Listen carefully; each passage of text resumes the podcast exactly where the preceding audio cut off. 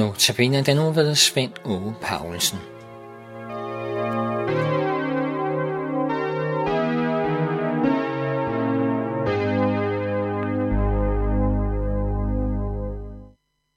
I Efterbrevet, kapitel 6, vers 10 og 11 står der, I øvrigt, vær stærke i Herren og i hans mægtige styrke.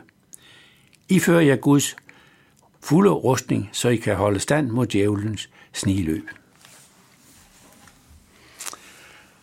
Ja, jeg slutter denne uges andagter med disse to korte vers, hvor Paulus giver os en anvisning på, hvorledes vi kan undgå at falde ud af nåden og ende i fortabelsens gru.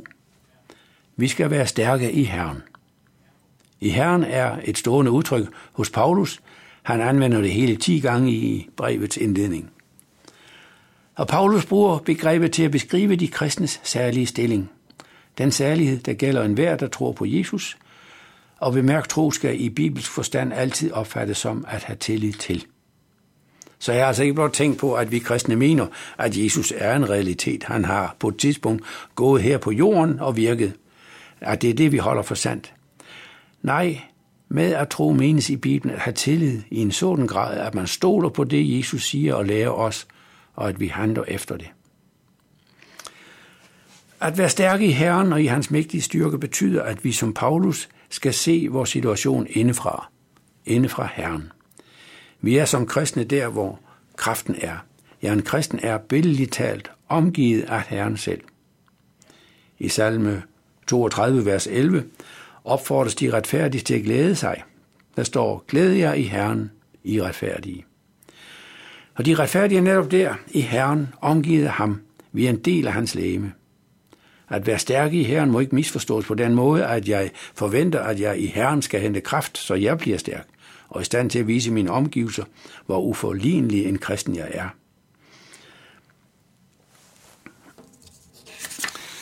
Så man kan indse, hvor at jeg er en rigtig kristen, der kan forkynde magtfuldt og overbevisende, og en helbred, hvis der er behov for det. Nej, jeg henter ikke kraft i Herren til eget forbrug, men jeg bliver i Herrens styrke, og dermed at Jesus bliver stærk i mig. Paulus havde haft det tæt ind på livet, efter at han mange gange forgæves havde bedt om at måtte blive befriet for en torn i kødet.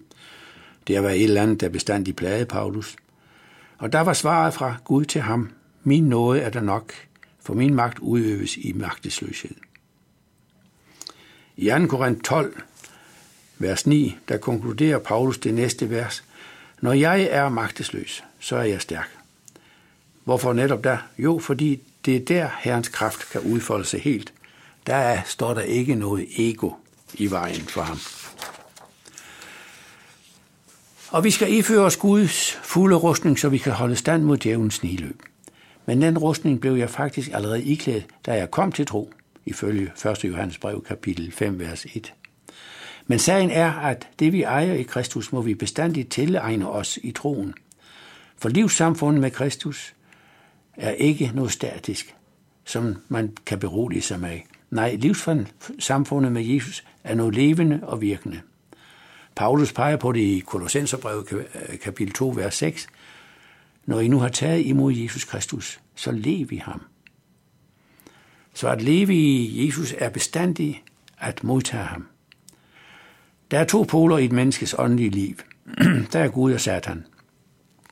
Og i den kamp er Gud er Kristus Guds fulde rustning. Det blev han ved sin stedfortrædende lidelse og død for os. For at sejre over Satan måtte Gud fornedre sig og blive menneske, iføre sig kød og blod, og på vor vegne besejre Satan. Men for at vi kan være beskyttet fortsat mod Satans snile, må vi være iført Guds fulde rustning. Derfor også tale om en forsvarskamp, og enhver kristen er med i denne forsvarskamp. Ingen undgår at blive udsat for satans niløb. Det er den måde, Satan så indøndende kæmper på. Han kæmper aldrig direkte og skræmmende. Nej, lokkende med guld og grønne skove, og det er ikke så farligt at gå lidt imod Guds vilje. Gud er jo kærlighed. Her har du opskriften. Men fred med Gud betyder ufred med djævlen, og det skal du ikke være ked af kære lytter. Det er meget værd at have fred med djævlen, for i så fald har han dig i sine garn, så behøver han ikke mere at ulejlige sig med dig, for du er i nettet.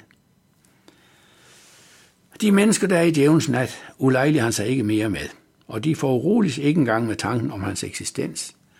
Nej, de er overbevist om, at djævlen blot er en savnfigur, en lidt komisk figur fra overtroens verden i gamle dage. Der er ingen grund til at tage ham højtidligt på nogen måde. Nej, ingen løgn er for djævlen for tavlig, hvis han blot når sin hensigt med den. Med andre ord er det farligt at være uden for krigen mellem Gud og Satan, end at være part i den.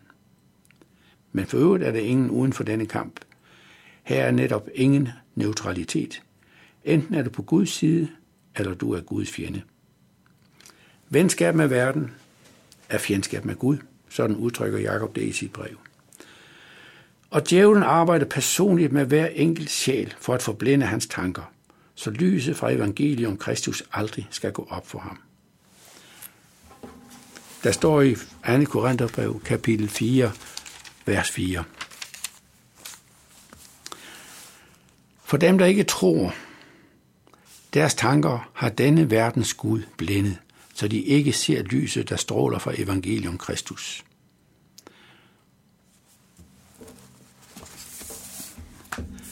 Og djævlen er superb i denne kamp.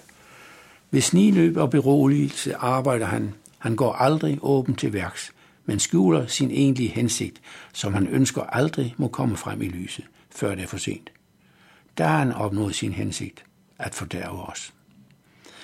Men den sikre modgift mod den slags spil, som djævelens virke faktisk er, er oprigtig troskab mod Kristus.